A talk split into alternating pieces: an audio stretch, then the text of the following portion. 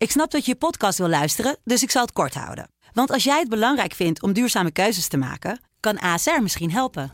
Nou hoor ik je denken, hoe dan? Nou, bijvoorbeeld bij het duurzaam herstellen van schade. Of de premies die we beleggen volgens ons duurzaam beleggingsbeleid. Dat bepaalt waar we wel en juist niet in investeren. Wil je meer weten over welke duurzame keuzes ASR maakt? Ga dan naar asr.nl/slash duurzame keuzes. ASR doet het. Zo, dan kan je nu lekker naar je podcast luisteren. Supersnel kozijnen bestellen? Toeleveringonline.nl. Bestel nu je kozijnen en betaal als zakelijke klant pas na levering. Toeleveringonline.nl.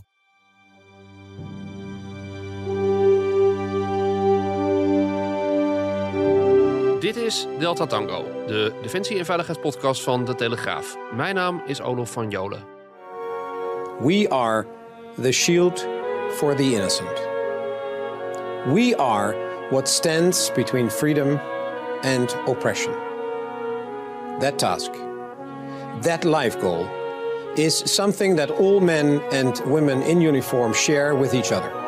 Together, we are stronger. Together, we are more. Together, we are NATO. Ja, waarschijnlijk hebben de beter ingevoerde luisteraars de stem al herkend. Dit is Rob Bauer, de vorige commandant der strijdkrachten en tegenwoordig de hoogste militair binnen de NAVO als voorzitter van het Militair Comité. En voor het bondgenootschap zijn het op dit moment een paar hele spannende dagen. En daar gaan we het vandaag over hebben met onze correspondent in Brussel, Alexander Bakker. Vaste NAVO-volger. Alexander, uh, welkom in de podcast. Ik, ik hoor wat geroezemoes om je heen. Waar ben je? Ja, nou, dat is, uh, kan zomaar geroezemoes zijn in zo'n beetje alle talen van de wereld. Want ik ben uh, in de enorme perszaal op de NAVO-top in Madrid. Uh, ja, waar iedereen ja, zich verzameld heeft om verslag te doen van wat toch wel een historische top mag heten. Ja, want inderdaad, enorm is het. We, we hebben een, een, een programmaatje waarmee we ook kunnen meegluren met je. Je liet net al een, een rondje zien met de camera. Hele uitgestrekte conferentiezaal met heel veel tafels, nu overwegend leeg. Gelukkig liet je weten dat je niet eenzaam was. Dus dat is voor ons natuurlijk een hele geruststelling. Maar die top, waar gaat die over? Nou, het belangrijkste ding is dat de NAVO gaat vooruitblikken op de komende tien jaar. Dat doen ze in het strategisch concept. Uh, het is een beetje de strategie van hè, wat komt er aan bedreigingen op ons af. Ja, en die bedreigingen die zijn natuurlijk nu heel acuut geworden. In de vorige versie, die stamt uit 2010, stond bijvoorbeeld Rusland nog opgeschreven als strategisch partner ja, niet, Rusland komt natuurlijk nu opnieuw terug, maar niet uh, in dit soort vriendschappelijke termen, maar gewoon uh, als directe dreiging. En een ander opvallend ding is uh, dat voor het eerst ook China wordt genoemd. De Chinezen hebben natuurlijk ontzettend geïnvesteerd in defensie. En ze zijn op dit moment hier op de top nog een beetje ja, aan het discussiëren over wat voor termen de Chinezen nu in dat document moeten komen. maar het ziet er naar uit dat ze ja, als, een, als een uitdaging worden gezien. Terwijl de Amerikanen toch ook eigenlijk wel uh, liever als bedreiging omschrijven. Ja, uitdaging is ook zo'n mooi militair woord. Dat kan je op van alles plakken. Uh, tot en met uh, de meest ernstige crisissituatie aan toe is ook een uitdaging. Maar dat, dat, dat, is een boeiende. Ja, maar goed, bij de NAVO wegen dat soort woorden zwaar, hè, Olof? Want als je echt spreekt van een dreiging, ja, dan betekent dat er ook militaire planning aan vastkomt. En dat is wel iets wat bij de Russen nu gaat gebeuren. Ja, Nee, en logisch, want we hebben het hier over uh, het, de top van internationale diplomatie. En daar, daar geldt wij spreken elk woord, elke komma uh, wordt afgewogen. Dus uh, dat is, ik, ik maak er een, een, grapje over, maar dat is inderdaad het level waar, waarop jij je nu bevindt ook vandaag. Hey, als we de klok een paar maanden terugzetten tot voor die Russische inval in Oekraïne, hoe stond de NAVO er toen op?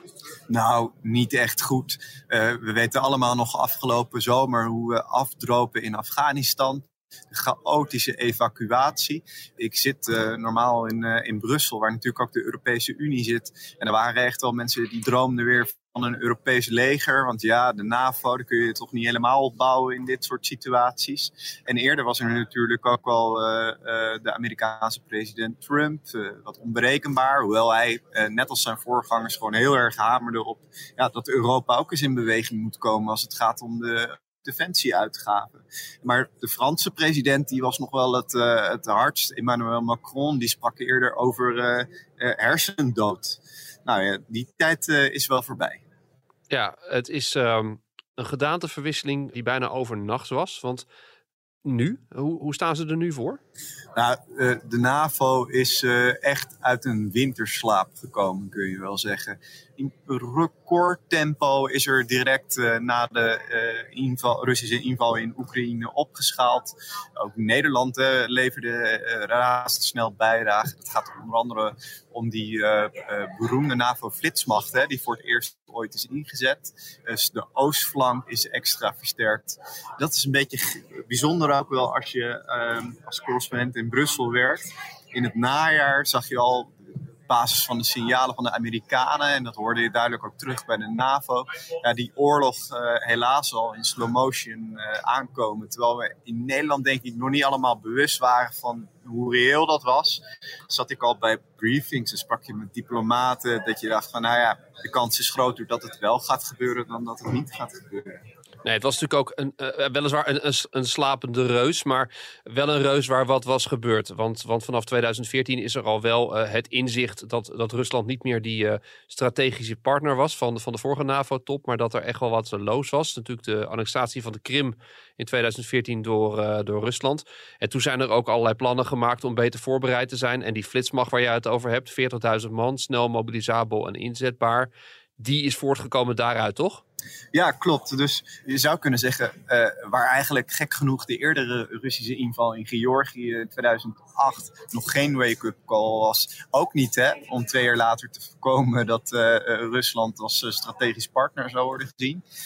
Maar de, de annexatie van de Krim was echt een kantelpunt. Dat was inderdaad het moment waarop het bondgenootschap wakker werd geschud. Dat er weer uh, werd gezien van hey, het is een, een, een reëel gevaar voor Europa. Iets wat we toch eigenlijk sinds de Koude Oorlog niet meer zo hebben ervaren. Hè? En dan heb ik het specifiek over de Russen.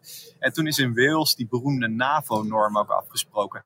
Maar toch moesten de Amerikanen ook jarenlang erop drukken van ja, Europa, we gingen hier nog vrolijk door met bezuinigingen. Jullie moeten nu wel echt meer gaan investeren. En de oorlog in Oekraïne is het echte kantelpunt wat dat betreft. Heel veel landen hebben nu gezegd, we gaan uh, in 2023, 2024 naar die NAVO-norm toe. Maar ook een aantal landen nog steeds niet, uh, Olof. onze zuidenburen, de Belgen, maar ook de Italianen en de Canadezen, die schuiven dat nog best wel op de lange baan. En die voldoen dus eigenlijk ook niet aan die afspraken van Wilst. Voor de duidelijkheid, die norm is uh, 2% van het bruto binnenlands product. Dat is de afspraak die gemaakt is door de NAVO-leden. Dat ze zich daaraan zouden committeren. Maar dat is inderdaad lang, is dat uh, langzaam gegaan. Nederland ook had wel de ambitie, maar pas na de Russische inval is er nu ook echt heel serieus versneld werk van gemaakt om dat, om dat geld ervoor uit te gaan trekken. Ja, ja zeker, absoluut. En er, er, zit ook nog een afspraak in dat het 20% ervan aan een nieuwe capaciteit moet worden geïnvesteerd. Maar eerlijk is eerlijk, als we natuurlijk teruggaan in de tijd en, en kijken naar uh, het gedachtegoed ook achter die investeringen, zou je ook kunnen zeggen, ja, eigenlijk had je dat geld nu al lang nodig. Want het duurt ook nog heel lang voordat je al die, dat, dat materieel hebt, voordat je meer militairen uh, weet op te leiden. Dus het is een, een, beetje een, een, gekke situatie. We zitten nu eigenlijk op het moment dat je het nodig hebt. Ja, ja, dat is helemaal waar. Maar daar valt, daar valt weinig meer aan te doen. Uh, er valt nu maar het beste van te hopen. Vanuit het Brusselse zie je dat. Is ook, zullen zeggen, de importantie van de NAVO in politieke zin, is die, is die veranderd? Uh, zijn ze meer weer een, een, een powerplayer geworden? Ja, geopolitiek sowieso. En ook in dat strategisch concept dat je ziet dat ze ook meer naar Azië gaan kijken. En wat wel heel bijzonder is, um, de NAVO heeft ook uh, uh, allerlei partnerschappen, ook met landen die dus niet uh, in Europa of in uh, Noord-Amerika liggen. Dus eigenlijk buiten het traditionele werkgebied van de NAVO. Om daar even een voorbeeld van te geven. De leiders van Japan, Australië, Nieuw-Zeeland en Zuid-Korea zijn hier ook vandaag in Madrid. En die gaan dus met de NAVO ook uh, spreken over de regio waar dus die nieuwe militaire grootmacht uh, China actief is. En ook uh, Nederland heeft al eerder een, een, schip naar die regio gestuurd en, en, is ook van plan om dat bij herhaling te gaan doen. Dus dat het niet alleen bij woorden blijft, maar dat we dat ook NAVO-landen op een of andere manier zichtbaar zullen zijn in die regio. Ja. Dus dat is echt wel een, een, een, een verschuiving. Ja, en natuurlijk ook als de, de NAVO uh, nu in een land komt, uh, in een van de lidstaten, er worden met alle egaars ontvangen. Dat is wel echt, uh, denk ik, een, een verandering. Ehm, de NAVO wordt echt gewaardeerd weer. Nee, dat is voorkomen helder. Want je hebt ook heel recent gesproken met, met Rob Bauer. Hij, hij zat al in een, met een quoteje in, in onze podcast. Hij ervoer dat volgens mij ook, hè? Dat er anders tegen, tegen hem wordt aangekeken en, en tegen NAVO. Ja, zeker. Dus dat zit hem uh, uh, echt wel in, in de waardering. Maar ook lidstaten. En, zeker als je natuurlijk oostwaarts opschuift. Hè, de, de, Baltische staten. Maar ze zijn echt, echt heel erg bang voor de Russische dreiging. Ja, daar, daar klampen ze zich vast aan de NAVO. En ook de enorme waardering die er is. om, ja, omdat we het... de trieste conclusie is natuurlijk weer dat Europa het broek niet op kan houden. Dat de Amerikanen nu ook bereid zijn om om weer zoveel te leveren en dus uh, Europa te beschermen. Ja, die, de, er is enorme waardering voor overal. Ja. Even voor alle duidelijkheid, NAVO is formeel natuurlijk geen partij in dit conflict. Want uh, het is niet zo dat NAVO-militairen uh, tegen de Russen vechten. Nee, dat is een beetje ingewikkeld soms ook, denk ik. Uh, voor, voor, het grote publiek. En dat is ook wel logisch, want we horen natuurlijk de secretaris-generaal uh, van de NAVO voortdurend hebben over Oekraïne. En tegelijkertijd zegt de NAVO van ja, wij zijn geen onderdeel van het conflict. En dat heeft met name te maken dat uh, het bondgenootschap hiermee duidelijk tegen Rusland wil zeggen van wij zijn geen onderdeel van dit conflict. Maar ja, natuurlijk, we zien ook dat al die NAVO-lidstaten, en dat doen ze dan rechtstreeks aan Oekraïne. Hè. Dus Nederland doet dat bijvoorbeeld ook uh, door, door, nu nog eens extra panzerhouwitsers te leveren aan Oekraïne. En, en, en, de NAVO zegt, ja, daar hebben wij dan formeel niets mee te maken. Maar tegelijkertijd is er wel natuurlijk ook afstemming tussen al die landen. En daar hebben ze dan onder leiding van de Amerikanen, hebben ze een zogeheten Oekraïne-contactgroep opgericht waarin dus uh, die NAVO-landen, maar inmiddels ook een heleboel landen die niet lid zijn van de NAVO, die sluiten zich daarbij aan. En die stemmen dus al die wapenleveranties af van Oekraïne. En ja, die vergadering was laatst dan wel weer in het NAVO-hoofdkwartier, om het nog maar even lastiger te ja. maken. Dus ja. ja, weet je, Natuurlijk uh, is er uh, een vorm van coördinatie, maar formeel zijn ze er buiten, zodat er geen rechtstreekse confrontatie is met de Russen. En dat is op zich misschien ook wel weer voor ons veiligheidsgevoel wel weer een geruststellende gedachte. Want je moet er natuurlijk niet aan denken dat de Russen uh, ja, op een of andere manier dit gaan beschouwen als een oorlog met de NAVO. Want dan komen we echt in een heel ander scenario terecht. Ja, dan heb je het echt over in het meest zwarte scenario kernwapen inzet. Maar inderdaad, ja. uh, recent nog gezegd door, uh, door de secretaris-generaal Stoltenberg van dat hij geen indicaties heeft van, uh, van uh, directe confrontatie. Sterker nog, de indruk bestaat volgens hem dat, dat de Russen meer afstand houden van, van NAVO-eenheden, zoals schepen, vliegtuigen. En we weten allemaal dat dat, ja. dat, dat met regelmaat vroeger gebeurde. recent nog, of een jaar of wat geleden, toen een Nederlandse eenheid, marine-eenheid op pad was, Russische toestellen daarop op scheerafstand langs, langs het schip gingen. er zijn al jarenlang Russische Bear-bommenwerpers die dan vlak langs ons luchtruim vliegen. Nou ja, al dat soort acties zijn op een wat lager pitje gezet. Daarmee eigenlijk ook geeft Rusland het signaal van joh, wij zijn niet uit op escalatie. Althans zo schatte Stoltenberg dat in. Ja, precies. Voormalig uh, secretaris-generaal Jaap de Hoop Scheffer die, die, stipt ook al aan van dat er, hè, hoewel de diplomatieke banden tussen Rusland en de NAVO zijn verbroken, hè, dat, dat gebeurde al, uh, al voor de inval overigens in, in Oekraïne, is het wel belangrijk dat er een vorm van communicatie is. Hè. Dat stel dat er een keer een, raket per ongeluk over de, Russische raket ongeluk over de grens met Oekraïne in een NAVO-land komt, dat je dan wel, simpel gezegd, kunt zeggen tegen uh, dat, dat NAVO-land van hey, dit was een ongelukje en niet een aanval. Dus om ook te voorkomen dat het direct wordt opgeschaald naar artikel 5. Ja.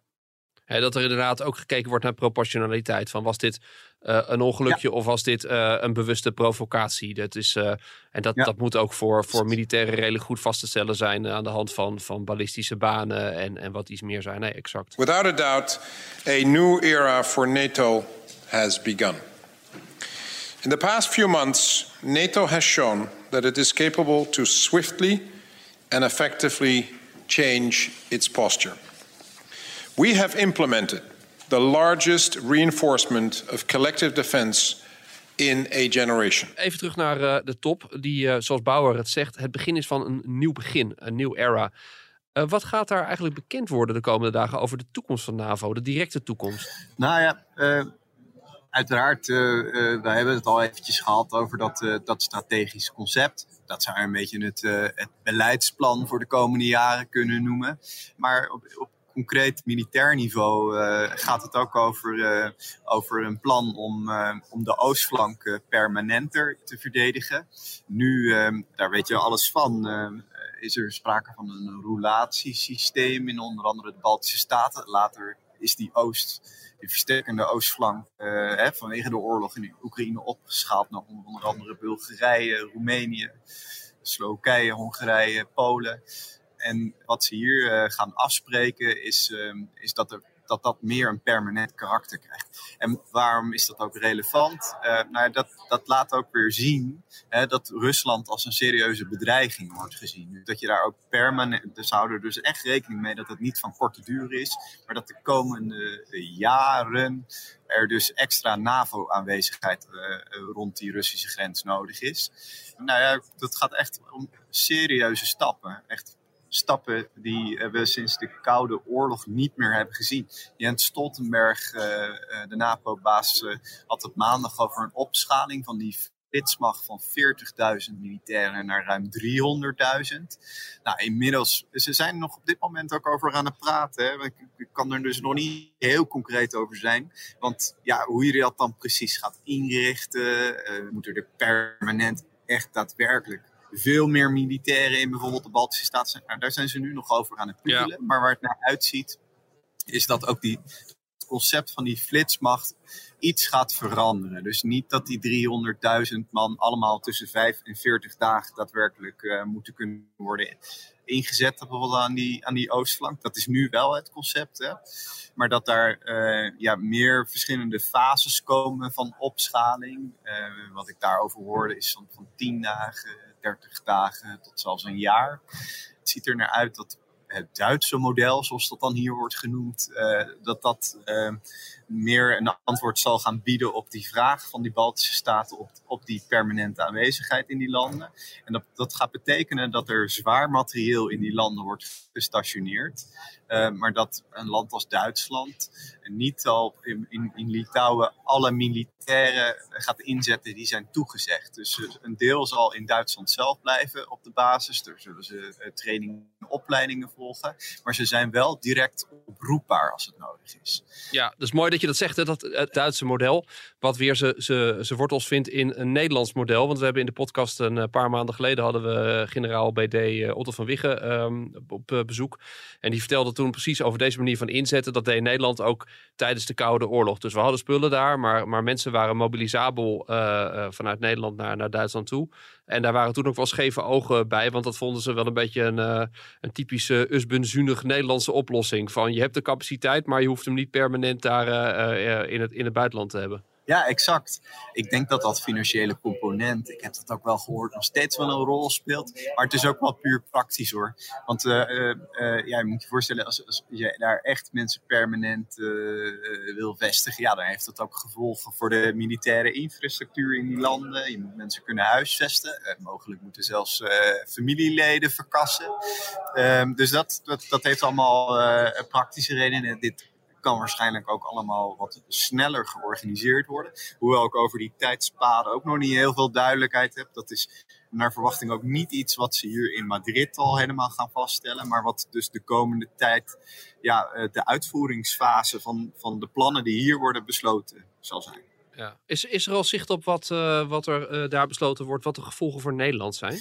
Nou, nog niet helemaal. Um, we hebben natuurlijk hier al wat, uh, wat mensen gesproken. En dat Nederland zal gaan opschalen, dat lijkt wel vast te staan.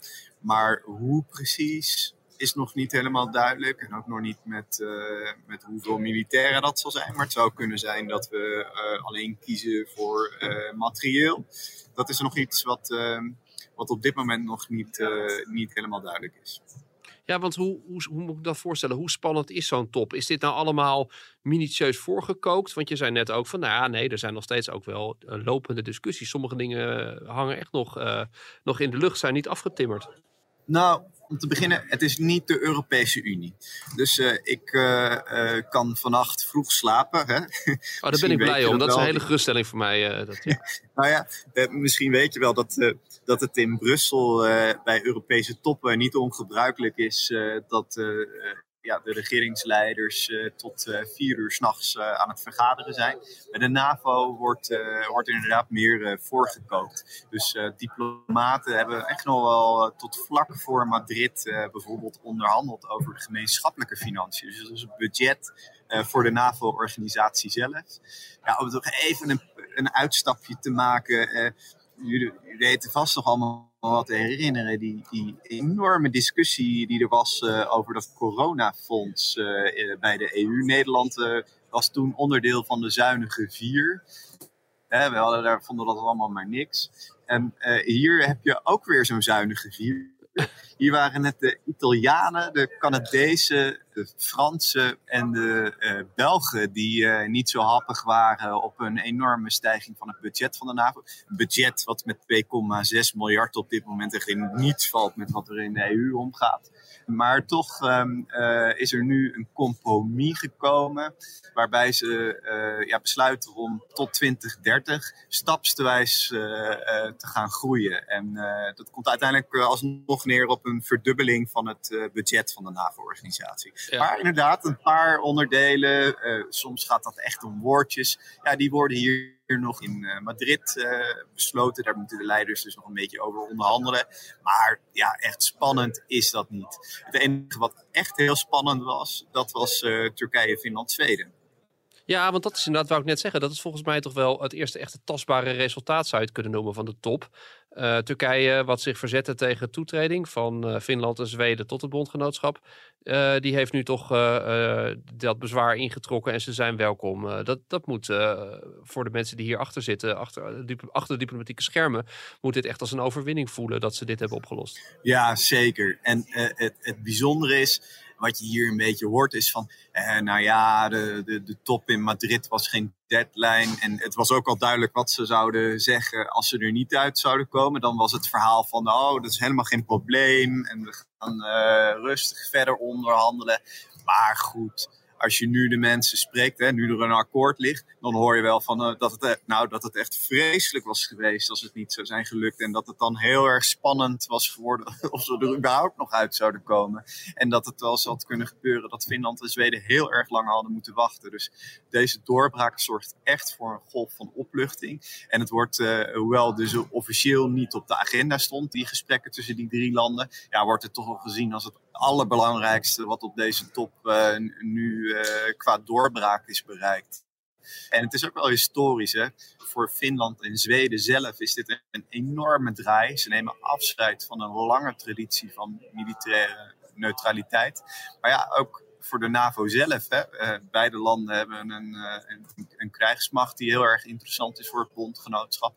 En natuurlijk die strategische ligging. Uh, Finland met die enorm lange grens van ruim 1300 kilometer met Rusland.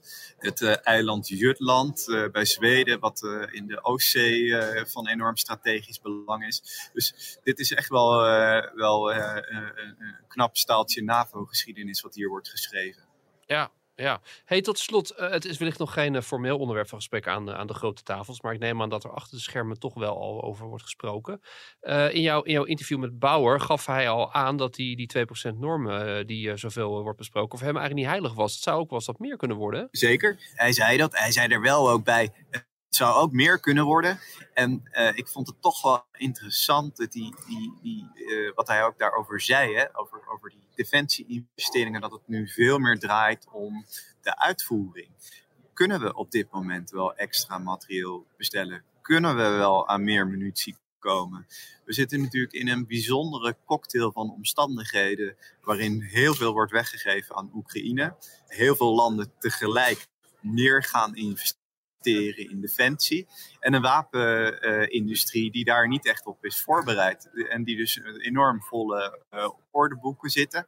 Tegelijkertijd speelt er in de wereld natuurlijk nog iets anders. We hebben heel veel grondstoffen tekort. Er is een tekort aan chips die je ook nodig hebt, uh, steeds meer in, in militaire apparaten. Ja, dat is een, uh, een ingewikkelde situatie om dat geld ook uit te geven en dat ook nog een beetje goedkoop te doen. Want als de vraag heel groot is en het aanbod heel klein, ja, dan gaat de prijs natuurlijk ook omhoog. Uh, dus er zal uh, slim uh, moeten worden samengewerkt. En er zal ook aan, ja, aan wat dan hier de civiele kant wordt genoemd iets moeten veranderen. Bauer die stipte dat aan. Hij noemde dat nadrukkelijk ook een, iets waar de politiek uh, naar zal moeten kijken. Maar de afgelopen jaren was het voor bijvoorbeeld pensioenfondsen en banken populair om te zeggen: wij investeren niet in wapens.